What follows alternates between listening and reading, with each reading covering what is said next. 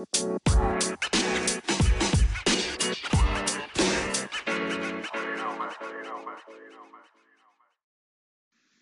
guys, ik zit hier op de bank beneden in mijn uh, woonkamer.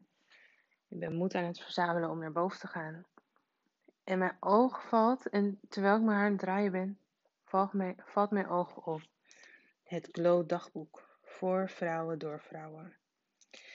En mijn gedachten die dwalen eigenlijk af omdat ik merk dat er energielek is. En ik weet heel goed waardoor dat komt.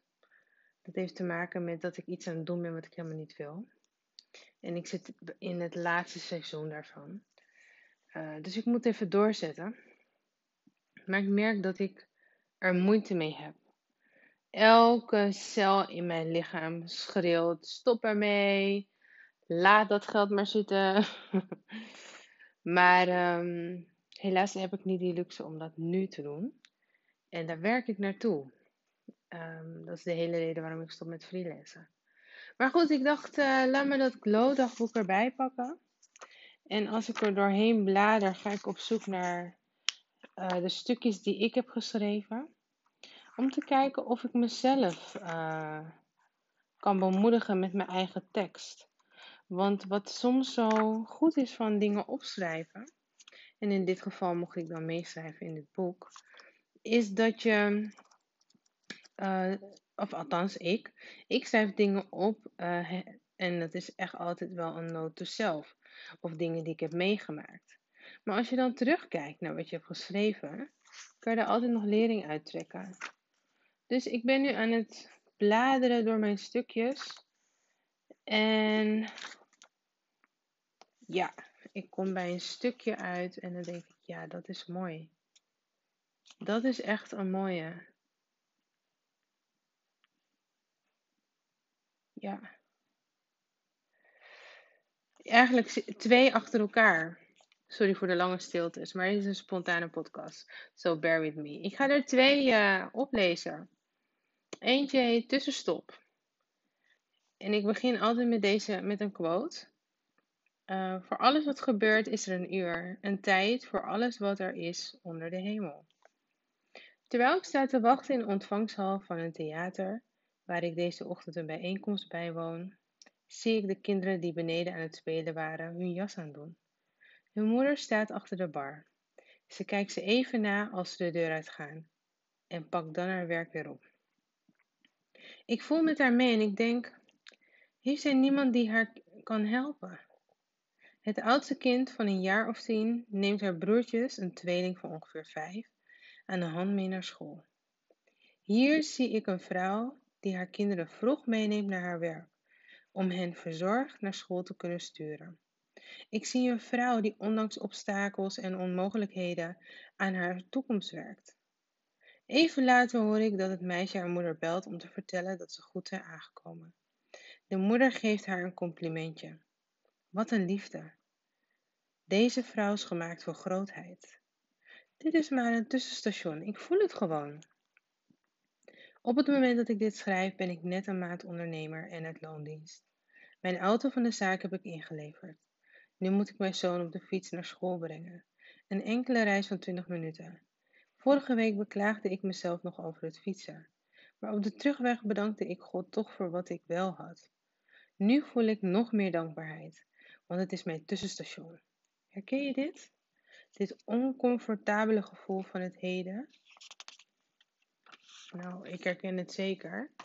Want uh, nog twee weken, of eigenlijk wat ik kan zeggen, er staat nu nog, even snel gerekend, 72 uur freelance werk in tussen het volledig gaan van mijn business um, en mezelf. En nee, tussen het. Stop, ik ga het ook echt niet knippen. Er zijn 72 uur freelance werk in tussen het nu en het nieuwe normaal, zeg maar. Het nieuwe seizoen. Je begrijpt wel wat ik bedoel. Nou. En dat, uh, ik vind het moeilijk, want als er iets, als ik, if I made up my mind, I want it quick. When I made up my mind, I want it quick. Dus Volgende, volgende bladzijde. Ik ga het snel doen, want ik hou niet van lange podcasts. Uh, volgende bladzijde. Rust. Vergeefs is het dat je vroeg opstaat. Je laat, uh, je laat te rusten legt. Je aftopt voor wat brood. Hij geeft, hij geeft het zijn lieveling in de slaap. De laatste weken van vorig jaar wilde ik mezelf een nieuwe gewoonte aanleren. Vroeg opstaan. Ik bedoel echt vroeg, om vijf uur. Vol goede moed zet ik mijn wekker. Ik zou deze ochtenden gebruiken om al mijn plannen voor mijn onderneming uit te schrijven. Maar het lukte me niet. Toen ik na een paar dagen alweer niet op dat tijdstip uit bed kon komen, besloot ik deze nieuwe gewoonte even uit te stellen. En ik werd ineens zo moe. Ik gaf me eraan over en zette mijn wekker uit. Een paar uur later werd ik wakker, na voldoende te hebben uitgerust. God had een ander plan. Hij gaf mij de geruststelling dat het wel goed zou komen met alles en dat hij nu wilde dat ik zou rusten. Ik gehoorzaamde. In dit geval was het erg gemakkelijk, want opstaan lukte toch niet. Het, ons leven kent verschillende seizoenen. Als je iets probeert te doen waar het, niet, waar het niet het seizoen voor is, kun je jezelf onnodig veel druk opleggen. Zo wordt het een hele zware last. Wees je bewust van het seizoen waar je in bent. Ga slapen als je moe bent, ook al is het pas 8 uur s avonds. Na een aantal weken van enorm veel rust voelde ik mijn energie weer terugkomen. Nu had ik weer energie om te sporten. En kon ik met mijn nieuwe gewoonte beginnen. Opnieuw zette ik de wekker op 5 uur. Maar nu was het juiste seizoen.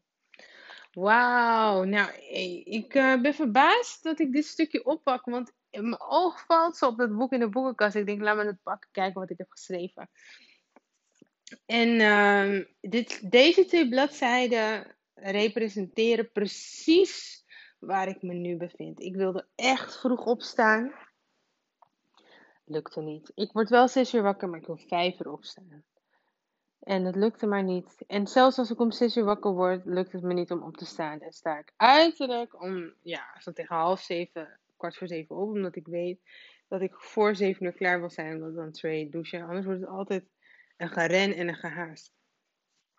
En als je hebt gemerkt, terwijl ik het oplas, stotterde ik een beetje, viel ik en struikelde ik over mijn uh, woorden.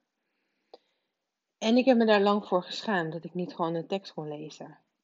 Um, dat het heeft te maken met mijn dyslexie. En nu las ik en ik dacht, ja, kan mij wat schelen. Het gaat om de boodschap.